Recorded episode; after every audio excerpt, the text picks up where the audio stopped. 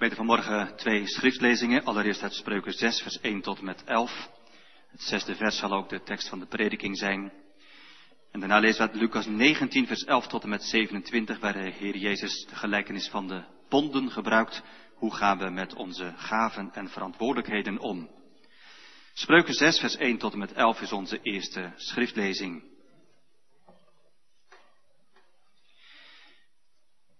Nu komt Gods en onfeilbaar woord als volgt tot ons, Spreuken 6. Mijn zoon, als je borg staat voor je naaste en je iets met handslag aan een vreemde bevestigt, ben je in de woorden van je eigen mond. Ben je in de woorden van je eigen mond gevangen. Doe dan dit, mijn zoon, en red je, want je bent in de greep van je naaste gekomen. Ga, onderwerp je en dring bij je naaste aan. Geef je ogen geen slaap je oogleden geen sluimer. Red je als een gazelle uit de hand van de jager en als een vogel uit de hand van de vogelvanger. Ga naar de mier, luiaard, zie zijn wegen en word wijs. Hoewel hij geen aanvoerder heeft, geen leidinggevende of heerser, maakt hij zijn eten gereed in de zomer, verzamelt hij zijn voedsel in de oogsttijd. Hoe lang, luiaard, blijft u liggen? Wanneer staat u op uit uw slaap? Een beetje slapen, een beetje sluimeren, een beetje liggen met gevouwen handen. Zo komt uw armoede over u als een wandelaar en uw gebrek als een gewapend man. Dat is onze eerste schriftlezing. Daarna Lucas 19, vers 11 tot en met 27.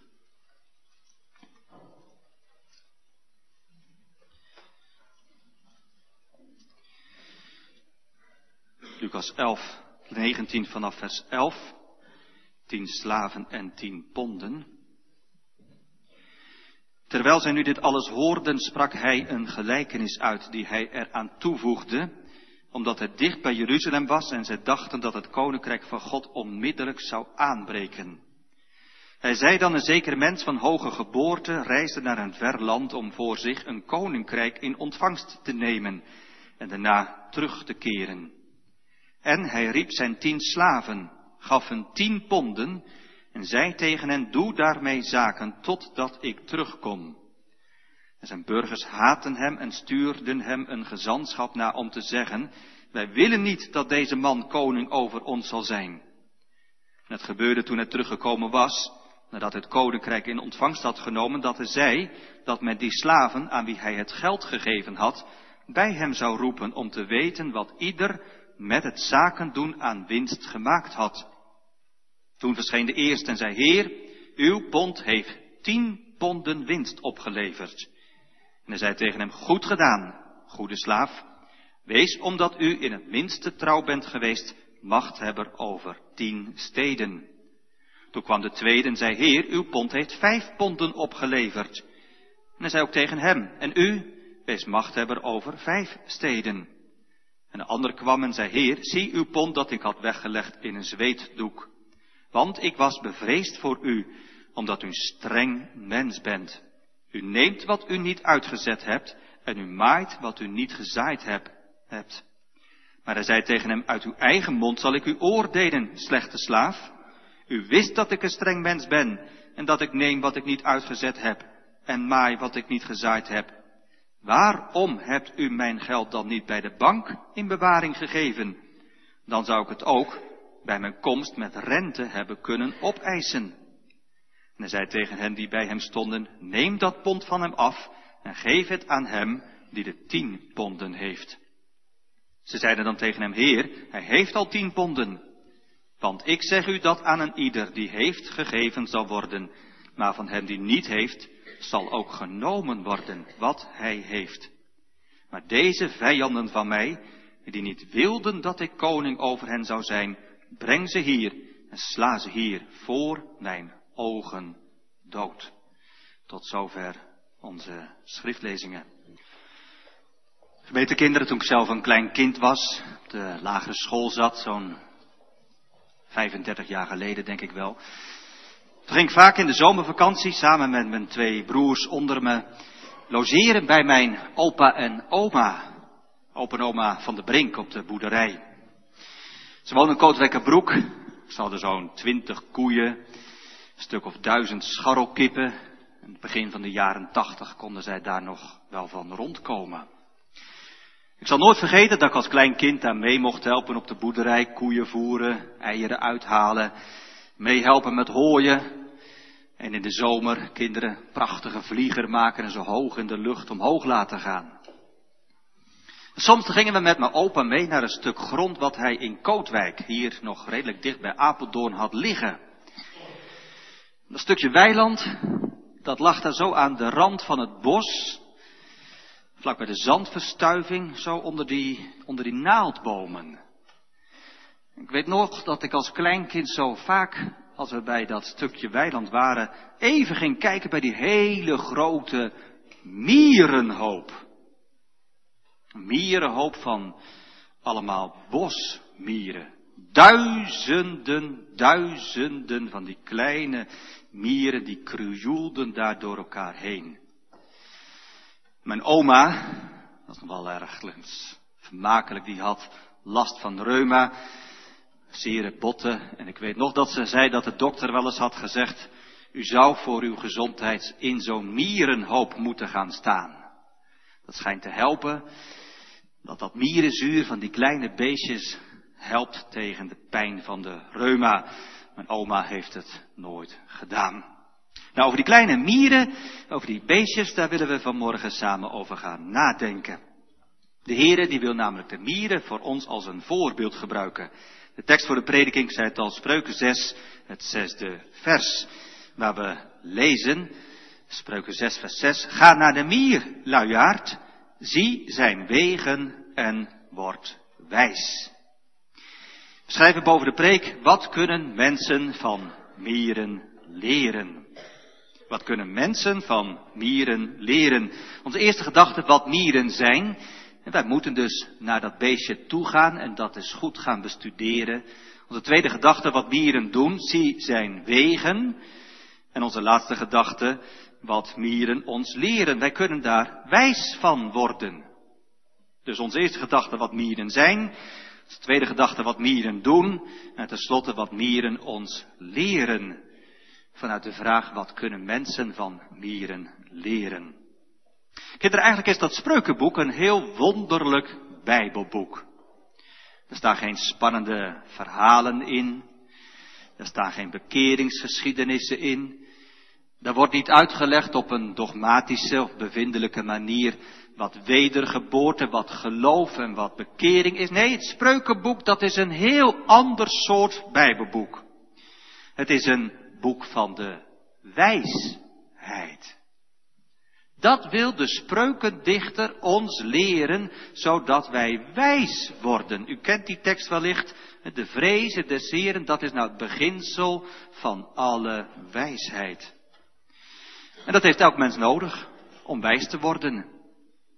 Dus u moet geen dwaze zijn, geen goddeloze, maar wijsheid leren.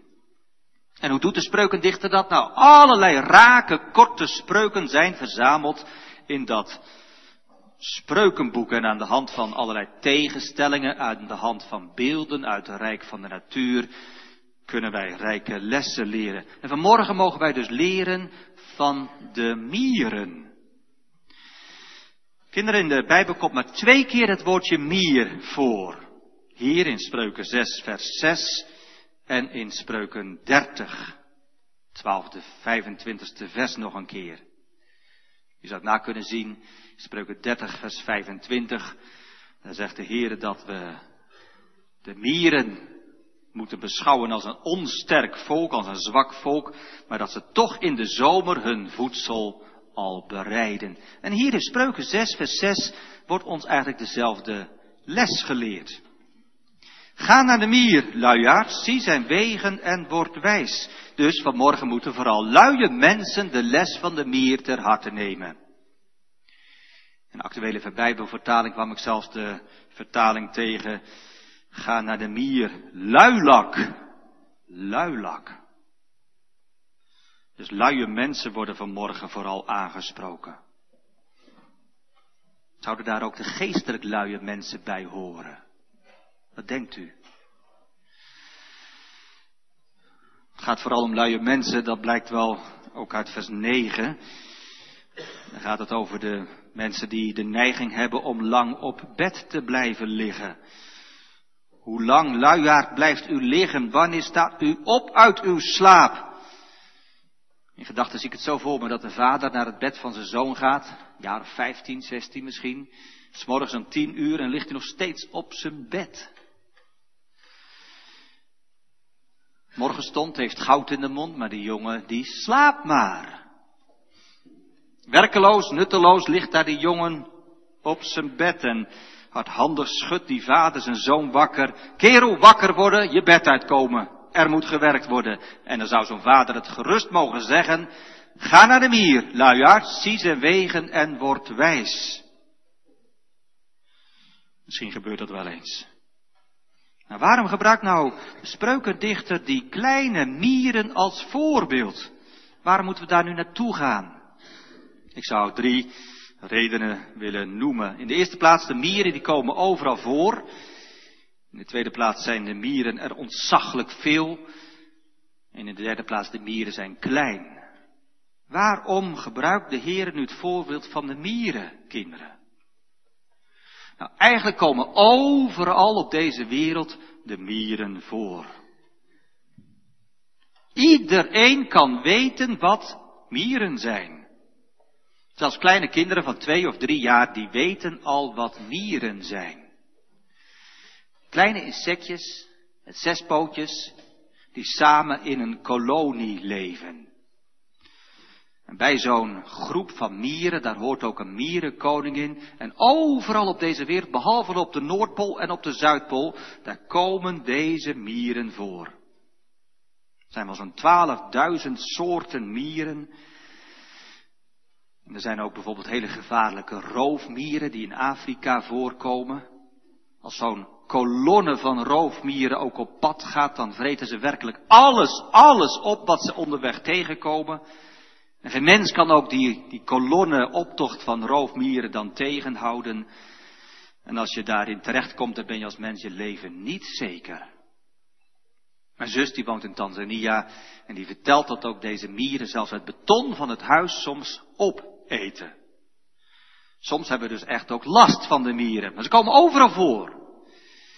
Heel vaak bouwen mieren dus ook hele grote ondergrondse nesten en dan leven daar miljoenen mieren samen en zorgen ze voor elkaar. Eén mier is zwak, maar heel veel mieren samen, die vormen toch een groot sterk volk. Spreukendichter die leefde in Israël en hij wist ongetwijfeld dat er ook heel wat soorten mieren in Israël waren.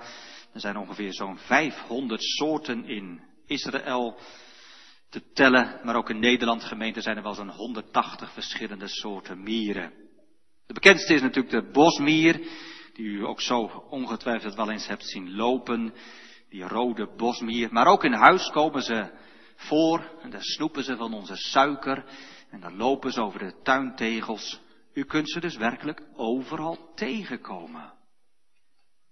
Dus dat is ook heel verstandig van de spreukendichter, dat hij dat voorbeeld van die mieren neemt, niet een beest als de behemoth of de leviathan, waarvan we eigenlijk niet zoveel weten. Nee, een heel bekend beestje, deze mier, die wordt als voorbeeld genomen. Zelfs al zou u wonen op een vlekje, maar zelfs ook in het paleis, van de koning komen de mieren voor. Overal. Dus iedereen kan deze les ter harte nemen. Tweede reden waarom de spreukendichter het voorbeeld van de mier goed kan gebruiken is omdat er zo ontzaglijk veel zijn. Miljarden en miljarden mieren zijn er. In de voorbereiding kwam ik het tegen dat er eigenlijk voor elk mens zijn er wel één miljoen mieren. Dus er zijn 1 miljoen keer zoveel mieren op deze aarde dan dat er mensen zijn. Betekent dat gemeente? Dat betekent dat geen mens op de wereld straks tegen God kan zeggen, Heer, ik wist niet hoe ik wijs moest worden.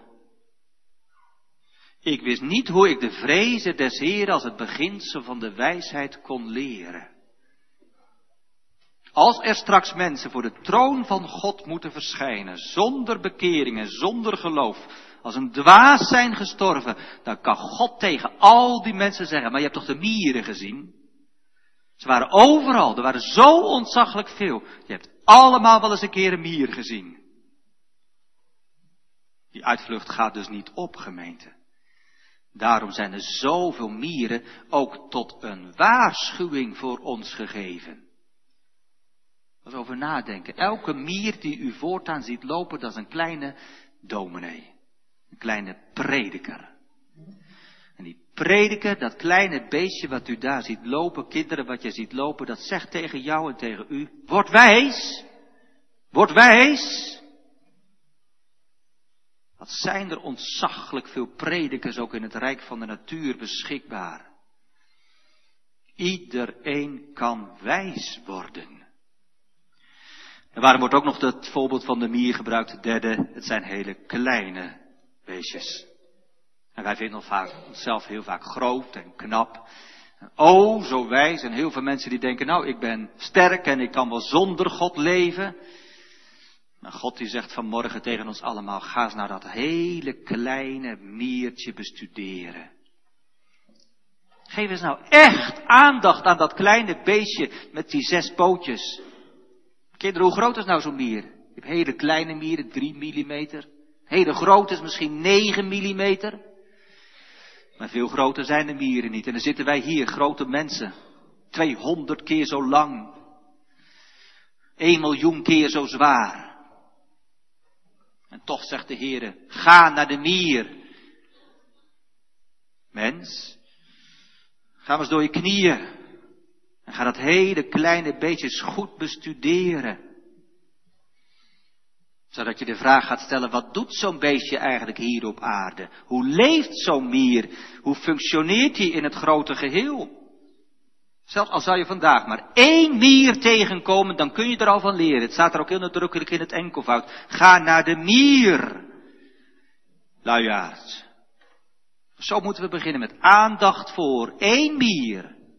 Hoe leeft die ene mier in het grote geheel van zo'n groep mieren? En als je dat gaat doen, dan worden we wijs. Dat zien we ook in onze tweede gedachte, wat mieren doen.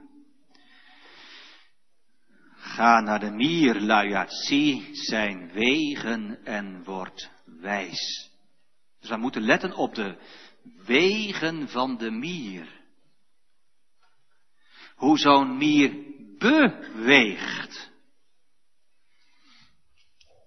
Want als u een mier ziet lopen, dan beweegt dat kleine beestje altijd. Het loopt en het rent van het ene plekje naar het andere plekje. Gemeente, als een mier, kinderen, als een mier stilstaat, dan is er iets met die mier aan de hand. Een stilstaande mier, dat is een dode mier.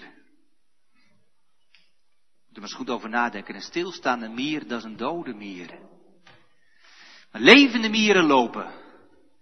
En wat doen nou al die lopende mieren? Waar zijn ze met elkaar mee bezig? Samen voor elkaar zorgen. Ze hebben echt oog voor elkaar. En dat doen ze ook weer op drie manieren. In de eerste plaats maken de mieren geen ruzie. Maar ze werken heel goed samen. Kijk maar in vers 7. Hoewel hij geen aanvoerder heeft, geen leidinggevende of heerser. Dus als je zo al die duizenden mieren ziet lopen, en dat dat krioelt dat door elkaar heen, dan zul je niet zo snel de leider of de bewaker van al die mieren ontdekken. Ze lijken allemaal op elkaar. Geen onderscheid te zien. Zo op het oog is het dus ook geen overste, geen aanvoerder. Daar staat er letterlijk een overste te zien. Eigenlijk is het een, een ambtman, iemand die het vak van schrijver heeft geleerd. En dat is ook geen geen leidinggevende over de mieren. En niemand die ons kan vertellen waar de heerser te vinden is. Ik had net even over de koningin, die zorgt dus wel voor het nageslacht van die mieren. Maar die geeft in die zin geen leiding aan al die mieren. Ze heeft geen hoge functie, ze speelt niet de baas in de mierenkolonie. Eigenlijk, eigenlijk is er niemand de baas in die mierengroep. En zeker ook in de tijd van de spreukendichter, toen wist men denk ik nog niet zoveel van de mieren zoals wij dat nu weten. En ze dachten dat alle mieren dus dezelfde functie ook nog eens hadden. Er zit ook een les in gemeente voor de christelijke gemeente. In die zin zijn alle mensen zo van de christelijke gemeente ook aan elkaar gelijk. U moet van genade leren leven en ik moet dat ook elke dag weer leren. Een organist die prachtig speelt is net zo belangrijk als de dominee. En u moet niet denken dat een diaken minder is dan een ouderling. De koster en de kerkvoogd zijn allebei onmisbaar. En misschien nog veel belangrijker, dat stille gebed dat een moeder of een grootmoeder, een oma mag bidden. Dat is nog veel belangrijker dan die royale gift die misschien op zondagmorgen in de collectezak wordt gedaan. Zoals elke mier belangrijk is en elke mier meetelt, zo tellen alle gemeenteleden mee. Kleine gemeentekinderen, kleine kinderen, grote mensen. Iedereen doet mee en iedereen telt mee. En daarom maken ze ook geen ruzie. Want u weet, een volk dat tegen zichzelf verdeeld is, dat kan niet bestaan. Nou, dus de gemeenteleden, de mieren die geen bijdrage leveren, die werken niet mee. Wat heeft nou een christelijke gemeente ten diepste aan papieren leden? Niets. We moeten iets voor elkaar doen. Wij moeten samen zorgen voor wat komen gaat. Als Sommier zou zeggen, nou het zal wel loslopen. En ik zie wel wat er komen gaat en die denkt aan de toekomst, dan gaat het niet goed met de mieren. Want dat is ook het tweede, zij bereiden zich samen voor op de toekomst. Staat in vers 8. Wat doen ze? Hij maakt zijn eten gereed in de zomer. Hij verzamelt zijn voedsel in de oogsttijd. Ik heb er de afgelopen week ook extra in verdiept. Gemeente, je raakt diep, diep onder de indruk hoe de mieren dat doen. Nou, wat doen nou de mieren vooral? Kinderen voedsel verzamelen. Heel veel voedsel verzamelen. Maar ook heel veel andere materialen die zij nodig hebben voor die mierenkolonie. Dus eigenlijk alles wat ze te pakken kunnen krijgen en wat nuttig is, dat nemen deze kleine miertjes mee. Wat eetbaar is en wat geschikt is. Allerlei naalden en kleine takjes en ander organisch materiaal. Het wordt allemaal gebruikt en meegenomen om dat mierennest samen te kunnen bouwen. Wisten jullie kinderen dat mieren zo sterk zijn dat ze meer dan 50 keer hun eigen gewicht kunnen dragen. Dus 50 keer hun eigen gewicht sjouwen en sjorren die mieren zo met hen, met zich mee. En als ze zo onder de naaldbomen leven, dan, dan is daar ook hars afkomstig van die naaldbomen. Nou, dat hars, dat gebruiken de mieren en dan baken ze zo hun eigen territorium, hun eigen gebied af. En als er andere mieren daar naartoe zouden komen, dan worden die als, als het ware gewaarschuwd. Jullie zijn indringers. Zodat ze weten, jullie horen hier niet bij. De aanvallers worden tegengehouden. Het mooie is dat die mieren ook dat hars gebruiken om al die meegesleepte takjes aan elkaar te verbinden. Het is als het ware een soort lijm en dat hars van die bomen houdt ook het regenwater tegen, want anders zou dat hele mierennest natuurlijk nat en vochtig worden. En de schimmels en de bacteriën die natuurlijk tussen die takjes zitten, die sterven door dat gebruik van dat hars. Dat hars dat voorkomt het afsterven van dat organische materiaal. Nou, zo zijn ze samen bezig met voedsel en zorgen ze voor dat nest. Ik zei het al, een groot deel van dat nest ligt zelfs onder de grond. Slechts het topje van zo'n mierenhoop, dat zien wij, mensen.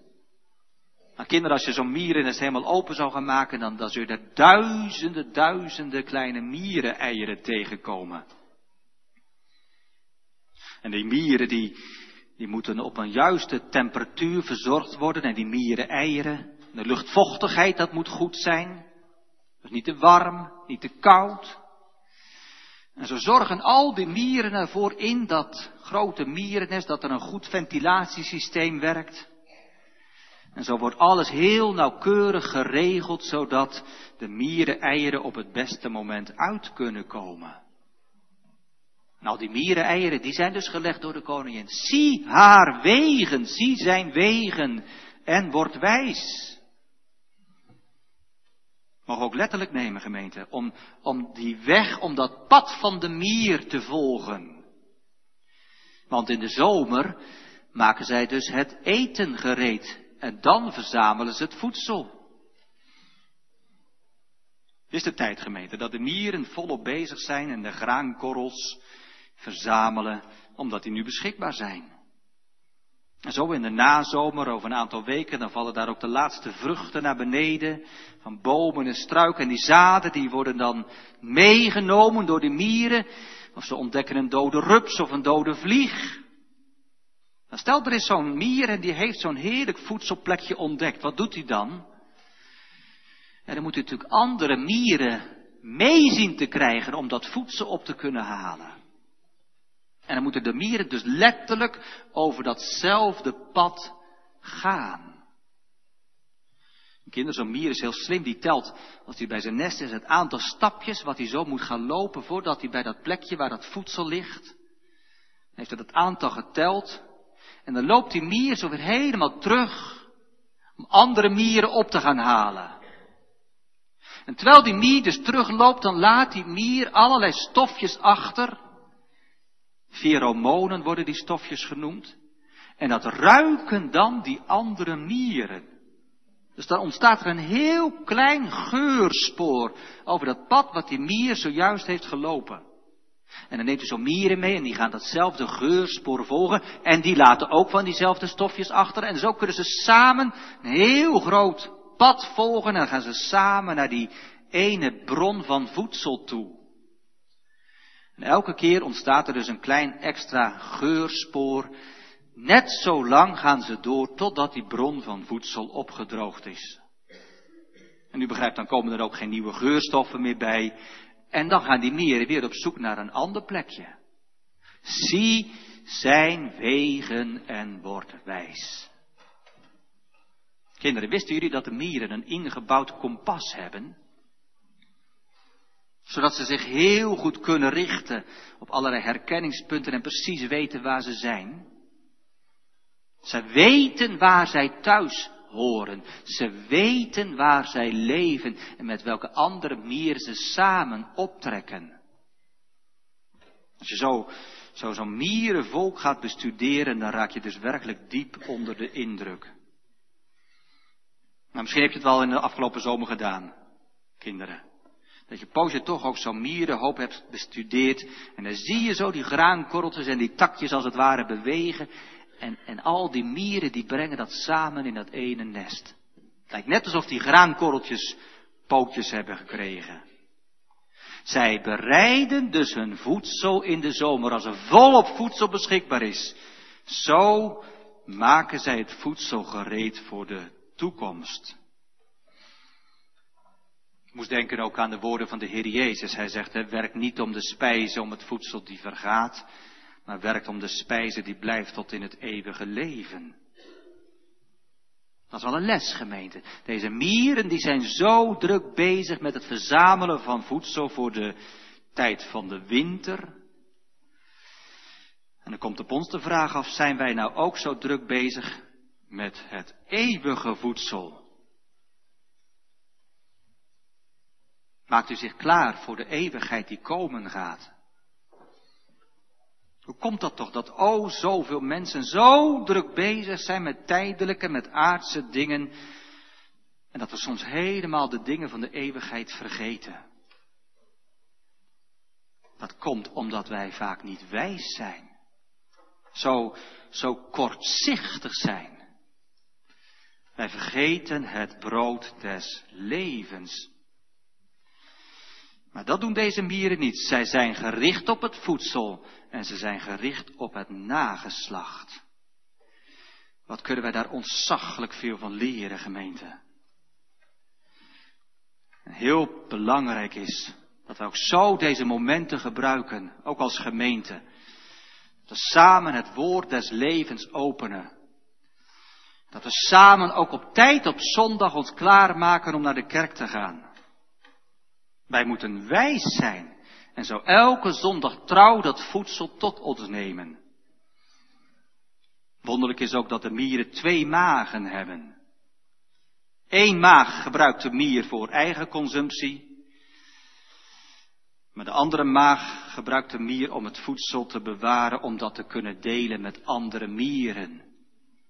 Dat zou mooi zijn als ook zo dat in de gemeente ervaren mag worden. Als je nou mooie schatten in het woord van God ontdekt, dat je dat mag delen met andere mensen en zo door mag geven. Elkaar voeden, dat doen de mieren. Nou was de derde les die de mieren ons ook kunnen leren, wat wij van de wegen van de mier kunnen leren. Nou, zij zorgen dus voor nageslacht. Zo zien op de wegen van de mier, dan blijken er eigenlijk drie soorten mieren te zijn. Eén koningin, heel veel werksters en dan nog een aantal mannetjes. Hoog in de lucht, sommige mieren kunnen vliegen, wordt daar dan die koningin bevrucht. En dan zo vanaf de lente tot aan de herfst, dan is deze koningin bezig met maar één ding, allemaal eieren leggen. Voor nageslacht zorgen. Gemeente, één koningin van de rode bosmier, die zorgt in totaal voor zo'n 1 miljoen eieren. Dat kan wel 20 jaar oud worden. En al die andere mieren, die werksters, die zorgen ervoor dat de koningin goed voedsel heeft, maar ook dat al die eieren goed voedsel krijgen, dat daarvoor gezorgd wordt. En daarom is natuurlijk die temperatuur en die luchtvochtigheid zo ontzettend belangrijk. Ze zorgen samen voor de meest ideale omstandigheden, zodat dat nageslacht goed op kan groeien. Gemeente, hebben wij oog voor het nageslacht? Zijn wij ook gericht op de eeuwige toekomst van onszelf en van onze kinderen? Wat geven wij onze kinderen, als u kinderen van de Heer gekregen hebt, wat geven wij onze kinderen dan mee? Wat geven onze kleinkinderen mee?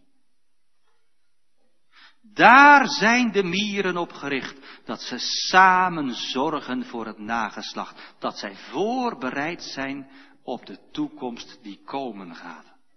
Samengevat, ze maken geen ruzie, ze zorgen voor voedsel voor de toekomst en zo zijn ze gericht op het nageslacht.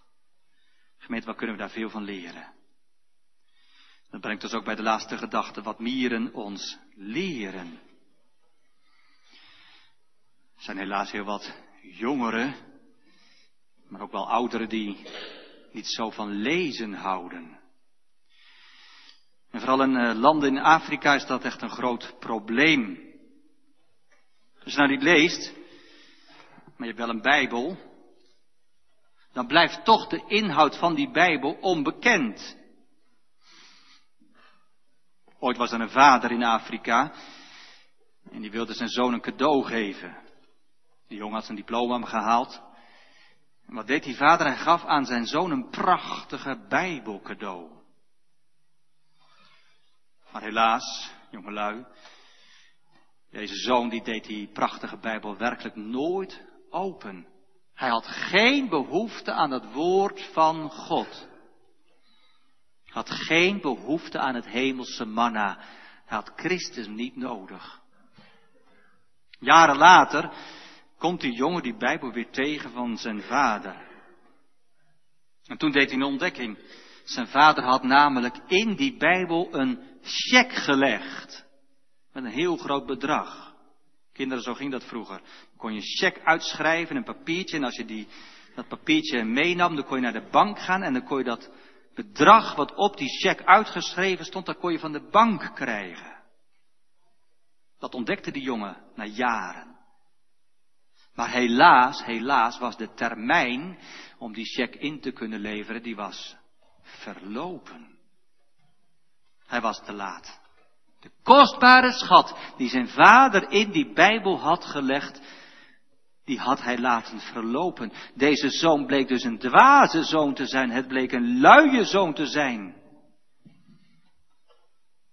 Gemeente, hoe gebruikt u de Bijbel? En jij, hoe gebruik jij je Bijbel? Is dat voor u en voor jou een schat van wijsheid al geworden? Want aan het einde van vers 6 staat een hele duidelijke opdracht. Zie zijn wegen en word wijs. Dat is een bevel, gemeente. Een opdracht. Wij moeten wijs worden. Ik iets heb verteld van de wegen van de mieren en van het leven van de mieren, hoe zij voor elkaar zorgen, dan zegt God, dan moet je dat ter harte nemen, dan moet je dat toepassen in je eigen leven. Zult u niet alleen een hoorder van het woord zijn, maar ook een dader van het woord? Word wijs, zegt God. Je moet niet lui zijn, maar je moet ijverig zijn. Je moet niet dwaas zijn en doen alsof je alleen maar leeft voor het hier en nu en voor het tijdelijke leven. Nee, we hebben de opperste wijsheid nodig, Jezus Christus. Dus wat die mier doet, gemeente, dat moeten wij toepassen in ons eigen leven. Heel praktisch. Wij mogen dus niet lui zijn als het gaat over ons werk. We moeten ijverig zijn. Jongelui, als je werk hebt, ouderen, dan mag u dankbaar zijn dat u werk hebt. Ik moest even denken aan de mensen die geen werk hebben en aan de mensen die gehandicapt zijn. Wat zouden die mensen o zo graag willen werken, o zo graag ijverig bezig willen zijn, maar het gaat niet meer en het kan niet meer. Dat is een belangrijke les, wij moeten ijverig zijn. Dat geldt dus voor het dagelijks leven. Kinderen, het nieuwe schooljaar is begonnen. En de Heere verwacht van de kinderen op de basisschool dat jullie goed je best gaat doen. Dat je oplet in de rekenles. Dat je goed meedoet met de taalles. Ik hoop ook dat de vaders en moeders hun kinderen helpen in het leren van het psalmversje. En kinderen, zullen jullie goed luisteren naar de juffrouw of meester als die uit de Bijbel vertelt? Zullen jullie niet vergeten dat je een eeuwige toekomst tegemoet gaat? En jongelui, als je in het voortgezet onderwijs zit of in het hoger onderwijs, mag je ook niet lui zijn. Doe je best. Maar jullie kennen ook wel de uitspraak, hè? lees je Bijbel, bid elke dag. Ik kom best wel vaak jongelui tegen die eerlijk zeggen, dominee, het zegt me niet zoveel meer. Als je dan doorvraagt, dan blijkt dat ze hun Bijbel bijna niet meer open doen en eigenlijk ook niet meer bidden met God.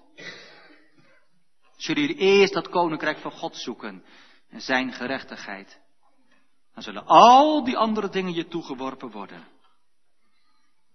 Jongelui, denk aan je schepper in de dagen van je jongelingschap. Denk aan de eeuwige toekomst en wees niet alleen bezig met geld en met je carrière. En daarom hebben we toch ook dat andere gedeelte uit Lucas gelezen. Die gelijkenis van die tien ponden. Heel kort, wat doet daar de Heer Jezus? Hij roept tien dienstknechten, tien slaven bij zich. En hij geeft aan elke slaaf één pond. En een pond, dat is ongeveer honderd keer een dagsalaris. Zo voor het gemak zo'n 10.000 euro. Dus elke dienstknecht die krijgt van de heer, van die meester, een geldbedrag van 10.000 euro. En dan zegt de meester, daar moet je mee handel gaan drijven, daar moet je mee winst gaan maken voor mij. Maar sommige dienstknechten zijn zeer ijverig. De eerste die krijgt het voor elkaar om van dat ene pond een bedrag te maken van 10 ponden. Tien keer zoveel winst tweede dienstknecht, vijf ponden heeft hij verzameld voor zijn meester. Maar er komt het, er is ook een luie dienstknecht. Een dwaze dienstknecht. Hij heeft altijd gedacht, oh het komt wel een keer goed en het zal wel een keer komen. En ik zie dan wel weer. Wat een dwaas. Hij heeft niet eraan gedacht dat die Heer terug zou komen. En wat doet hij dan? Hij legt zo dat geldstuk weg in een zweetdoek op een stil plekje en hij doet dus niets. Helemaal niets. En dan komt de Heer terug. Straks komt de Heer Jezus terug. En dan zal duidelijk worden, wat hebben wij voor hem gedaan? Deze luie dienstknecht had niets gedaan. Dan heel scherp en heel eerlijk klinkt daar de vraag, waarom heb je dat geld niet naar de bank gebracht. Want dan had het nog iets opgeleverd. En dan komt de Heer Jezus met zijn toepassing voor die luie dienstknecht. En dan zegt de Heer Jezus, Jezus, jij luie dienstknecht, jij bent ten diepste een vijand van mij. Maar deze vijanden van mij, die niet wilden dat ik koning over hen zou zijn, breng ze hier, sla ze hier voor mijn ogen dood. Zou je dat willen zijn? Een vijand van de Heer Jezus? Nee toch? Wees toch wijs? Wees niet zo dwaas. Want anders zal het verkeerd met je aflopen. Vers 11 zegt het, dan zal de armoede u overkomen als een wandelaar, uw gebrek als een gewapend man. Gemeente, zo gaat het aflopen met geestelijk luie mensen. Die komen om in de eeuwige dood.